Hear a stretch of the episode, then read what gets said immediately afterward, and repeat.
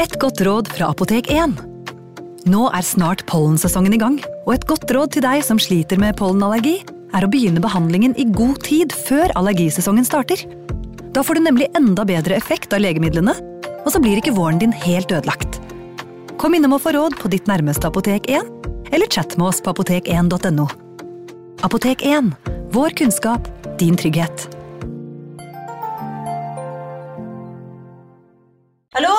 Jeg kommer fra Oslo politikammer.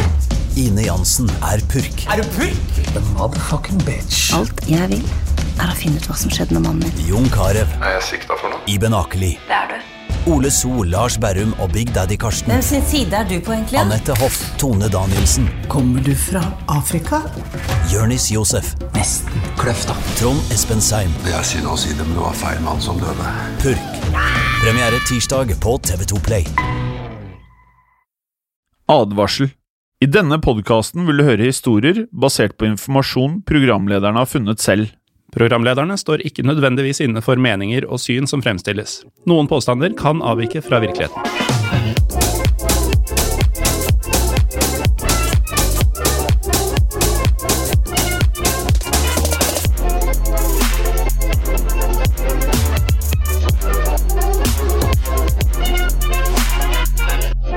God dag, god kveld eller god morgen, hva det nå måtte være når du nå hører på. Velkommen til en ny episode av Historiepodden. Hei, Jim. Hei, Morten. Uh, vi sitter jo Altså, det er faktisk ganske mørkt akkurat her jeg sitter, for jeg har jo laget et studio i stuen min. Så jeg har puter foran vinduer og alt mulig. Det ser ut som eh, et godt gammelt sånn eh, pute- og teppefort som man lagde i barndommen. Ja, og det er jo en ganske bra Segway til episoden i dag, eh, faktisk. For vi skal prate om eh, krig. Ja, og vi skal nevne et fort eller to også, så det passer jo veldig bra. Ja, og denne krigen har et eh, noe uvanlig navn, og noe komisk, vel? Eller litt sånn Det høres jo ikke veldig skummelt ut sånn, egentlig. Nei, det, det gjør jo ikke det, og det er jo fordi eh, i tittelen på denne mindre kjente krigen så er det et eh, dyr involvert, og vi har jo tidligere hatt en av mine favorittepisoder. Eh, Det var jo om en krig med et dyrenavn i tittelen en gang tidligere. Men nå har vi altså faktisk funnet én krig til som har da et dyrenavn i tittelen. Og da, i motsetning til sist, hvor vi holdt spenningen oppe ganske lenge, skal vi ikke bare si hva navnet på denne krigen er, Morten? Krigen heter The Pig War, altså grisekrigen. Ja, vi er veldig begeistrede for uh, navn her i historiepodden, da. Og grisekrigen, det, det er noe av det vasseste. eh, og vi er jo opptatt av hvordan det høres ut på norsk og på engelsk. Og grisekrigen er like flott på norsk som det det høres ut på engelsk. Ja, og den er også innimellom kalt uh, The Pig and Potato War. Altså grise- og potetkrigen, som jo er enda, enda herligere. Ja, og med det så vil nok eh, våre faste lyttere da eh, dra en klar parallell til episoden som vi kalte The Great Emu War. Altså dette dyret som er en emu. som ikke er veldig skummel, men som en hel nasjon måtte krige mot. av en eller annen grunn. Verdens dummeste fugl, som vel eh, mer eller mindre vant denne krigen mot det australske militæret. Eh, Vi kommer til å, etter hvert til å komme til delene i dagens historie, som eh, handler om både gris og om poteter. Eh, To ting som begge hadde en eh, sentralt utløsende del til konflikten som skulle oppstå. Ja, for det er faktisk slik at de var helt sentrale. Eh, og selv om det, det høres veldig merkelig ut, da. The Pig War foregikk da i 1859, men vi må tilbake, helt tilbake til 1846, altså 13 år tidligere, for å få litt av bakgrunnen til krigen, vel. Altså For å få bakgrunnen så må vi vel egentlig helt tilbake til 1776. eh, For en av partene i denne grisestriden var nemlig USA. Og før 1776 så var jo USA i britenes hender, men de skrev da eh, den amerikanske uavhengighetserklæringen eh, i 1776. Det var altså representanter fra disse koloniene som gjorde det. Og plutselig så var eh, USA uavhengige og frie fra Storbritannia i veldig korte, grove trekk. Ja, For i virkeligheten har jo da ting en lei tendens til å ta vesentlig lengre tid, da. Selv om USA erklærte seg uavhengig 4.7.1776, så betydde ikke det at britene trasket av gårde med det samme. Nei, for britene eide jo fortsatt kolonier i Canada. I den delen som grenset mot eh, USA. Og på denne tiden så var det egentlig ikke fastsatte grenser mellom de to landene. Så da USA plutselig ble et fritt og uavhengig land, så måtte de jo finne ut hvor grensene mellom amerikansk og britisk styre egentlig skulle gå. Og det tok en stund. Så la oss da spole litt frem her. En av disse grensene ble ikke ordentlig bestemt før The Oregon Treaty, altså på norsk Oregon-avtalen, som kom på plass i 1846.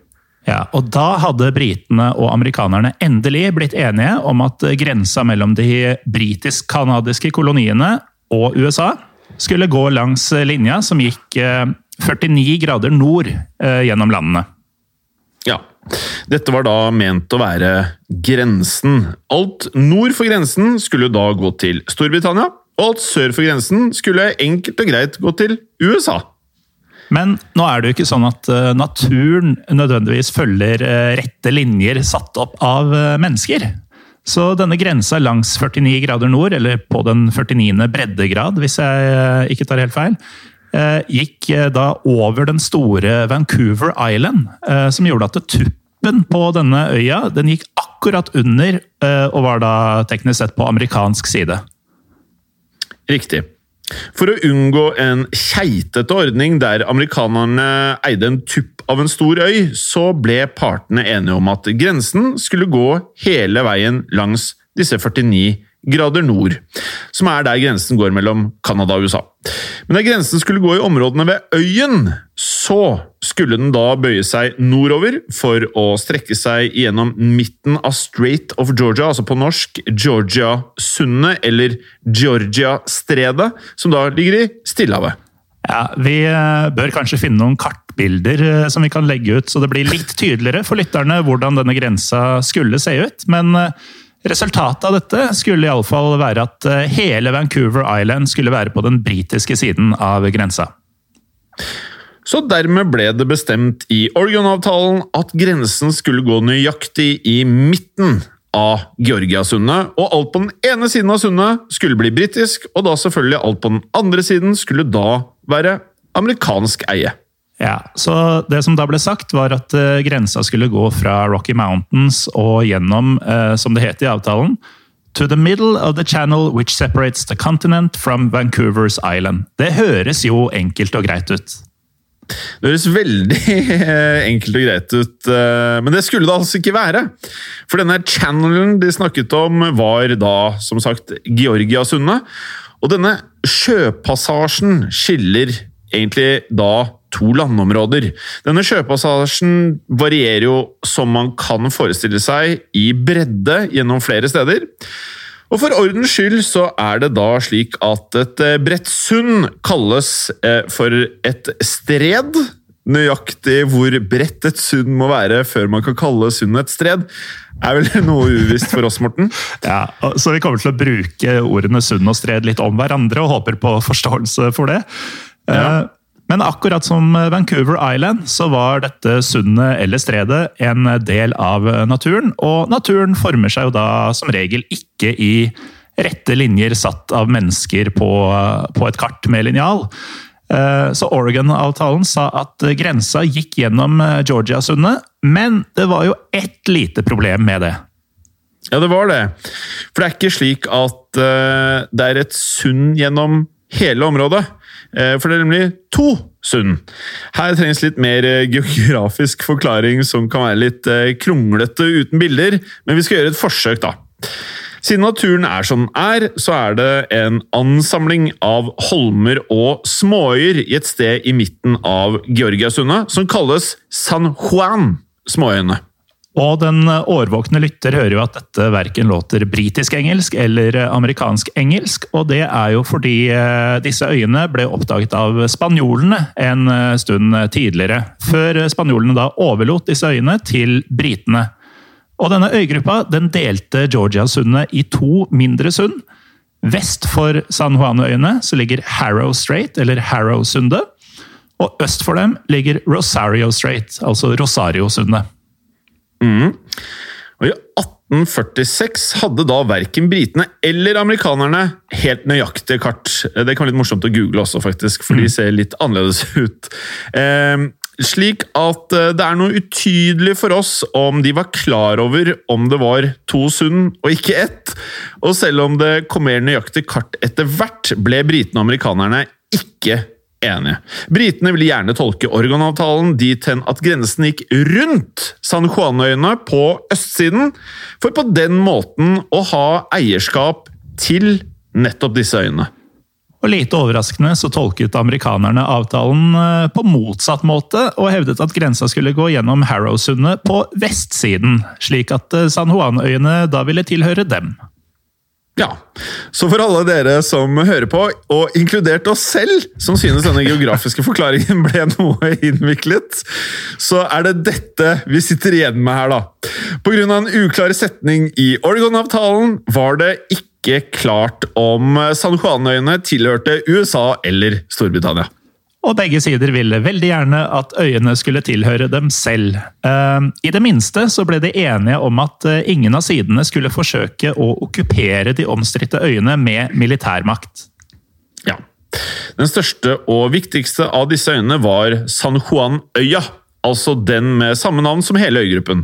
Eh, og det var her hendelsene fant sted som satte i gang legendariske Pig War, altså grisekrigen. Nå har vi jo snakka masse om eh, diplomatiske avtaler mellom store nasjoner om eh, geografi og grenser. Jeg hadde nesten glemt at såpass seriøse temaer skulle lede til eh, noe som hadde det litt komiske navnet The Pig War. Ja, Vi skal senere fortelle mer om hvordan navnet Pig War faktisk dukket opp. Først skal vi fortelle dere om en mann. Denne mannen skulle være svært så misfornøyd med denne Oregon-avtalen Navnet på denne mannen var sir James Douglas. Sir James Douglas han var guvernør av Vancouver Island og provinsen British Columbia i Canada. Det er da helt vest i Canada, der byen Vancouver ligger, blant annet. Um, Oregon-avtalen om den nye grensa hadde nemlig fratatt britene en festning som het eh, Fort Vancouver, og det likte ikke sir Douglas. Eh, I dette fortet hadde det lukrative selskapet Hudson's Bay Company hatt hovedkvarteret sitt. Ja. Britiske Hudson's Bay Company drev med eh, veldig mye forskjellig, blant annet handel av pels og ull, og er faktisk da det eldste selskapet i hele Nord-Amerika og ble opprettet i 1670. Selskapet er å finne i mange områder den dag i dag, selv om de gjør noen andre typer forretninger enn det de gjorde den gang. Blant annet så driver de eierskap og drift av butikker og eiendom. Og for de som er eh, glad i å reise, og som eh, trives veldig godt i eh, New York, altså Manhattan, så et av de flotteste kjøpesentrene der, som heter Saks Fifth Avenue, som lite overraskende ligger midt på Fifth Avenue, er det faktisk da Hudson's Bay Company som driver den dag i dag. Men på denne tiden så var det da ull- og pelshandel eh, som gjaldt for Hudson's Bay Company. Ja, og Hudson's Bay Company de flyttet da hovedkvarteret over til Fort Victoria. Eh, og derfra så de med, med sultne øyne over Harrowsundet og over på San Juan-øya. Og innen 1851 så hadde de etablert stasjoner langs eh, kystlinja på San Juan-øya, der de drev med foredling av laks. Det stemmer, men innen 1853 hadde amerikanske myndigheter begynt å omtale øyene som deres, faktisk. Og som en del av deres nye Washington Territory. Og dermed gikk eh, Hudson's Bay Company til sir Douglas, altså guvernøren av British Columbia, og spurte han om tillatelse til å sette opp en stor ullfarm på den eh, sørlige delen av eh, San Juan-øya. Og siden sir Douglas var så misfornøyd som han var over denne grenseavtalen, så ga han Hudson's Bay Company den tillatelsen.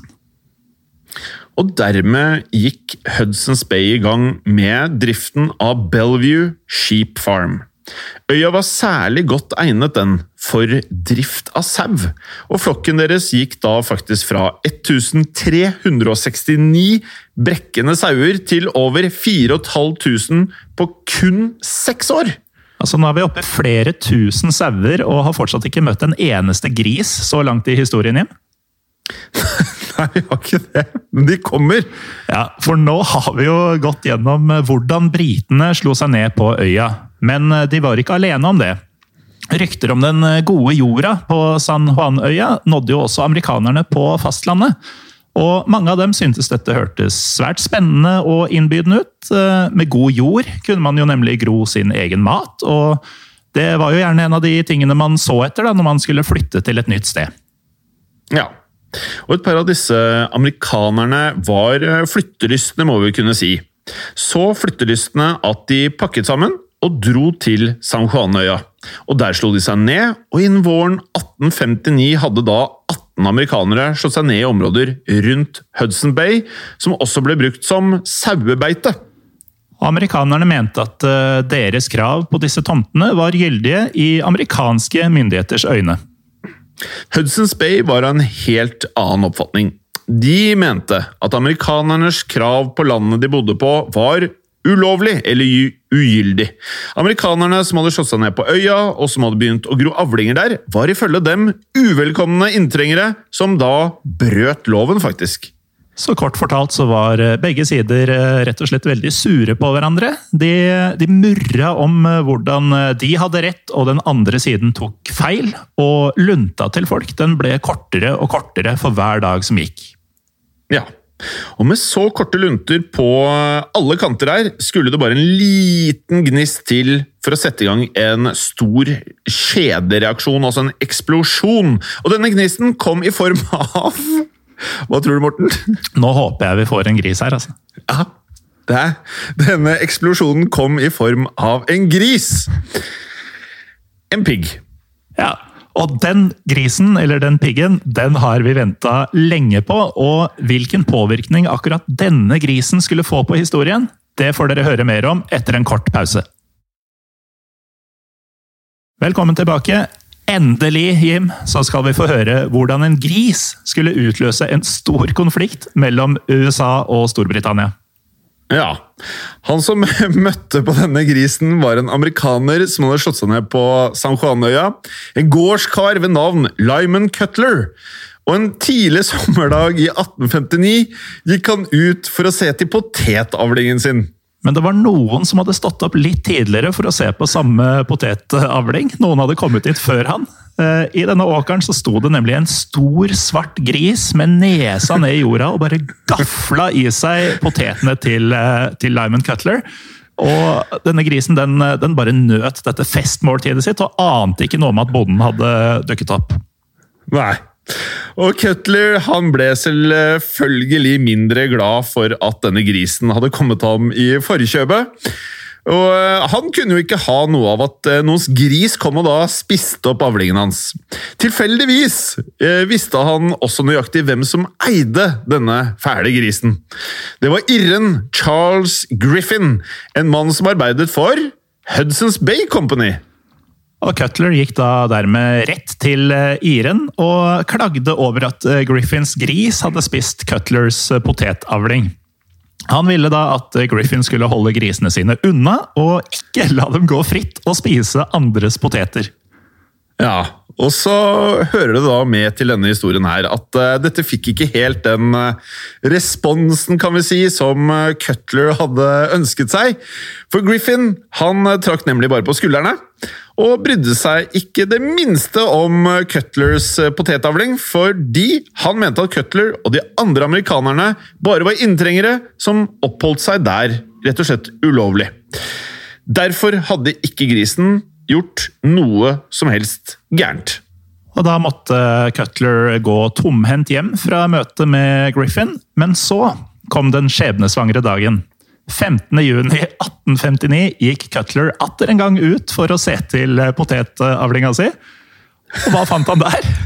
Der fant han den samme store, svarte grisen stående i åkeren med nesa i jorda, fråtsende i Cutlers poteter. Ja, og lite overraskende så ble Cutler ikke bare sint, han ble illsint! Og løp da for å hente geværet, eller børsa si.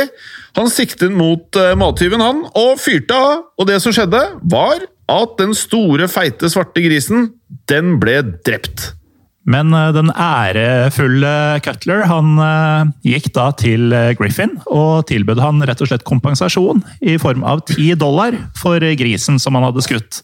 Men dette gikk ikke Griffin med på. Han krevde at eh, Cutler skulle betale ham 100 dollar, ikke 10, eh, for å ha skutt grisen hans. Det sies at eh, Cutler som svar til dette erklærte at han egentlig ikke burde betale Griffin noe som helst, siden Griffin ikke hadde kunnet holde grisen unna poteten hans. Til dette skal Griffin da ha svart bryskt at det var opp til Cutler å holde potetene hans unna grisen hans. Det er, jo, det er jo, en freidig replikk uh, fra hans side. Man kan bli sliten av å få den, ja. Som dere sikkert skjønner, da, så, så, kom ikke disse to kara til enighet. Uh, denne krangelen om dollar og poteter og griser, den bare fortsatte. Og dermed gikk Griffin rett og slett til britiske myndigheter, som straks truet Cutler med å arrestere ham. Ja, og de nå 25 amerikanerne på San Juanøya var på Cutlers side, så de sendte brev til amerikanske myndigheter og ba dem om hjelp om å beskytte Cutler. Så grisen var altså gnisten som, som, tente lunta, og her var første del av eskaleringa, nemlig at begge sider ba sine myndigheter om hjelp. For brevet til amerikanerne havnet dessverre hos en berømt, må vi kunne si, hissigpropp. Eh, denne hissigproppen var brigadier general William Selby Harney. Han mente at dette var eh, aldeles skandaløst, og at det var en fornærmelse fra britenes eh, side, dette her. Han satte, derfor en annen berømt hissigpropp på saken senere i juni. Denne hissigproppen var cap'n George Edward Pickett, som kom til San Juanøya den 22. juni sammen med hele 66 soldater! Og da han kom dit, så gjorde han noe svært alvorlig. Han erklærte at eh, ingen lov eh, utenom lovene som var laget av amerikanske myndigheter, gjaldt på øya. Eh, at han da i praksis erklærte øya under USAs jurisdiksjon, eller USAs myndighet. Og det var jo ikke greit, for det brøt da med Oregon-avtalen. Og det likte britene ikke overraskende, ikke spesielt godt og her skjer det noe videre. Ja, han eh, Sir Douglas, som vi snakka om tidligere, guvernøren av British Columbia, han fikk jo høre om dette her. Og den amerikanske kapteinen han var jo i godt selskap, for eh, sir Douglas han var også en hissigpropp som mente at dette her var aldeles skandaløst og en fornærmelse fra amerikanerne. Ja, jeg ser hva du gjorde der. Så sir Douglas han sendte straks av gårde tre fregatter eh, til øya. Og fregatter det er mellomstore krigsskip, så vi vet jo at han mente alvor. Eh, imidlertid så ga han dem ordre om å unngå væpnet konflikt så langt de kunne. Ja. Det første skipet var HMS Tribune. Kom til San Juanøya 24. juni. Den stilte seg opp rett utenfor amerikanske Captain Pickets skip, bare sånn for å vise seg frem litt, vise muskler. De to andre skipene de holdt avstand, sånn i tilfelle amerikanerne satt på noen ekstra styrker et sted. Ja, Sånn at de rett og slett ikke skulle bli omringa dersom det kom amerikanske forsterkninger til senere. Ja. Kapteinen på det britiske skipet han var litt mindre hissigpropp enn eh, resten av de mektige mennene i denne konflikten. Eh, han tilbød cap'n Pickett en mulighet. At begge sidene formelt sett kunne okkupere øya på fredelig vis, helt til de kunne forhandle fram en løsning. Ja. Hissigpropp cap'n Pickett var ikke interessert og nektet plent å inngå noen avtale med den britiske kapteinen. Dermed ba både amerikanerne og britene om militære forsterkninger. Og forsterkningen de ble sendt. De stilte opp, eh, selv om det ikke var helt jevnt. da. Eh, innen 10. august så hadde amerikanerne totalt 416 menn og 14 kanoner på plass. Kan høres truende ut, men uh, britene de slo virkelig på stortromma, for de hadde fem krigsskip og totalt 2140 menn og 70 marineartilleri. Og det, det kødder man rett og slett ikke med. Nei, og dette er på grunn av, fortsatt pga. denne grisen som knaska poteter. Og ting begynte å bli ganske så alvorlig, selvfølgelig, som man hører her, da. Vi snakker jo da faktisk om eh, to ekstremt store nasjoner på denne tiden, som da er på grensen til eh, krig over denne øya. Og det kunne ha fått enorme konsekvenser. Det er, det er, jo litt gøy, eh, selv om vi snakker om en alvorlig konflikt her, at alt begynte med en potetspisende gris, og bare ja. eskalerer da til krigsklare fregatter, tusenvis av soldater og kanoner. Men resten av landene de ante jo fred og ingen fare, de. De visste ikke at det lå an til å bli krig ved grensen, og her er det beste. Verken den amerikanske presidenten eller den britiske statsministeren hadde den fjerneste anelse om dramaet som da utspilte seg på San Juanøya. Så disse to landene er altså nesten i krig uten at øverste hold har hørt noe som helst om eh, situasjonen som utspiller seg. Ingenting! San Juanøya var i sin eh, egne lille verden her, altså. Britene begynte å utføre militære øvelser mot øya. Og turistene som kom for å se på øya, syntes det var skikkelig stas, angivelig da, med sånne militære oppvisninger som de trodde det var. Og det var også sånn at diverse offiserer på begge sider hadde det ganske koselig i denne perioden. For eh, Verken amerikanerne eller britene hadde jo avfyrt noen skudd mot hverandre, så det var jo ikke krig helt ennå. Og både amerikanske og britiske offiserer deltok faktisk på søndagsgudstjeneste sammen om bord på det ene krigsskipet til britene. Så de fleste kom jo da godt overens. Så godt overens at mange også delte whisky, sigarer på stua til Charles Griffin, altså mannen som eide den potetspisende grisen, som da roten til dette her. Ja, og De visste det nok ikke, men i starten av september så nådde nyheten om at de to nasjonene var på nippet til krig, eh, endelig fram til de høyeste autoriteter. Eh, og det var jo på tide. Ja. Jeg kan jo se for meg den uh, britiske statsministeren uh, sette teen i halsen, kanskje, når uh, han fikk høre at Storbritannia var klar til å gå til krig mot USA i Stillehavet, eller? Jeg kan ikke se for meg at den amerikanske presidenten i Washington var sånn veldig begeistra over nyhetene, han heller.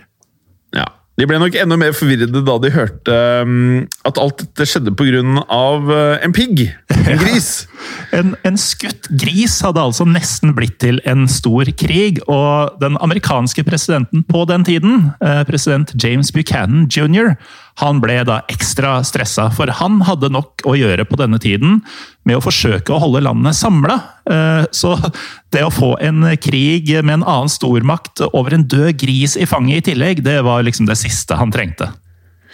For de av dere som husker episoden vi hadde for ikke altfor lenge siden om Jesse James, så husker dere kanskje at den amerikanske borgerkrigen den var egentlig rett rundt hjørnet her. For den startet i 1861.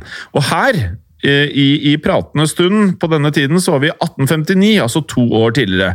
Og Konflikten mellom statene som skulle starte borgerkrigen, hadde jo allerede begynt å trappe seg opp.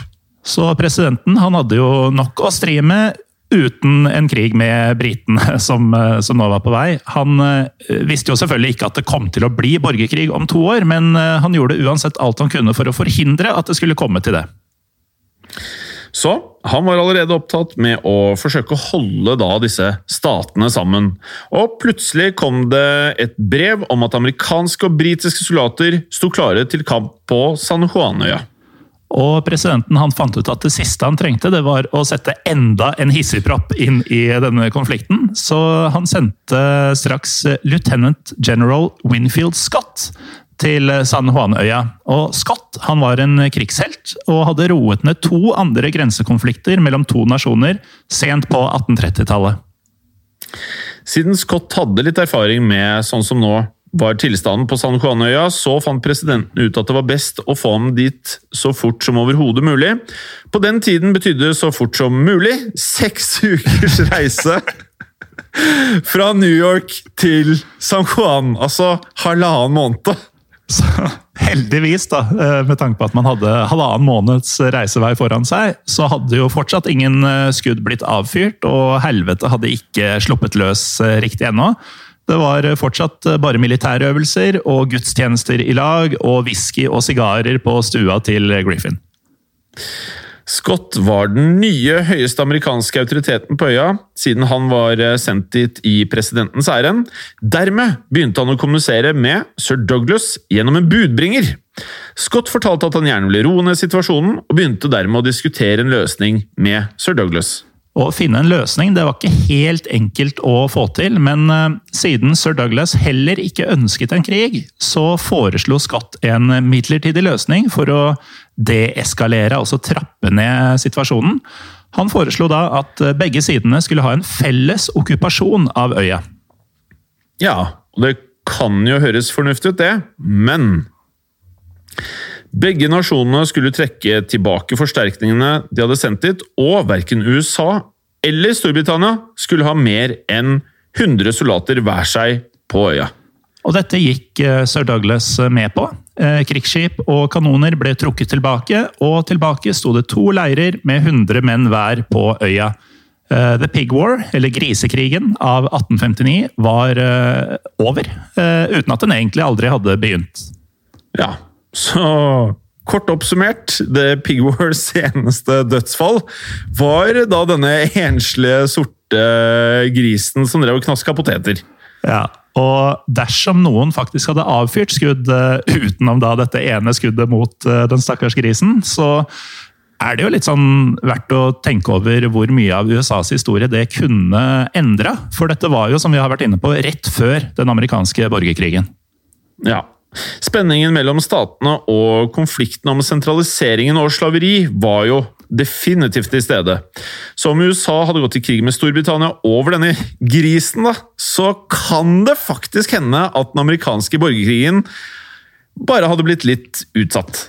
Men hvis vi tenker oss da at eh, USA og Storbritannia hadde gått i krig mot hverandre, og USA hadde tapt eh, Så ja, eh, San Juan hadde jo da antagelig endt opp i britiske hender, men å tenke litt over Eh, hva annet som kunne ha skjedd av dette. Altså, kanskje USA ville brukt så mye ressurser på den krigen at de ikke hadde klart å holde seg samlet, og, og rett og slett brutt sammen før de i det hele tatt kom til en borgerkrig. Eller kanskje borgerkrigen hadde fått et annet utfall enn den faktisk fikk. Det er sånne ting vi ikke kan vite noe om, men det er jo litt spennende å spekulere i det, spesielt når det startet pga. denne denne grisen. Ja. Men eh, vi kan ikke spekulere for lenge, for vi må gjøre ferdig den faktiske historien vi var i gang med her. Eh, altså hva som virkelig skjedde. Eh, fordi selv om grisekrigen, eller The Pig War, ble avslutta med en gris som eneste omkomne, eneste fatalitet, så var ikke grensestriden som startet hele greia, løst. Britene og amerikanerne ble enige om en midlertidig felles okkupasjon, men den foregår jo ikke fortsatt i dag. Nei, for begge sider opprettholdt eh, okkupasjonen en stund, men så ville de finne en løsning. Tolv år og en borgerkrig senere så hadde ting eh, noenlunde roet seg i USA, og partene møttes igjen i 1871 for å underskrive på The Treaty of Washington, altså Washington-traktaten. Ja, og Her blir det litt uh, komplisert, for det fins en hel haug med Washington-traktater og Washington-avtaler. Uh, bare gi et uh, nettsøk på Treaty of Washington, så får du en lang liste med forskjellige du kan velge mellom. Men i dette tilfellet så snakker vi altså om Washington-traktaten fra 1871. Under den beryktede da, amerikanske borgerkrigen, som jeg lurer på om vi bør kanskje ha Eller vi må jo det, ha en fremtidig episode om på et tidspunkt. Det blir jo det. Så ja, det blir jo det. Så kanskje flere episoder. Fort. Del 1, 2, 3. Ja. Eh, ja, fort.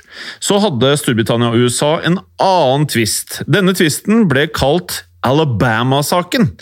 Vi skal ikke gå så mye inn på den her, men resultatet var at partene satte opp en avtale i 1871 om plikter og regler for nøytrale stater under krig.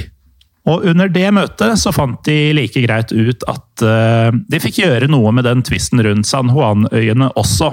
Men uh, som tidligere nevnt, begge parter ville jo ha disse øyene selv. Så derfor ble de enige under traktaten om at de skulle få en nøytral part til å bestemme saken. Og denne nøytrale parten var eh, keiser Wilhelm den første av Deutschland. Og Keiser Wilhelm den første ga jobben videre med å finne ut av dette til tre menn, som jobbet med saken i Genéve i Sveits i nesten et år.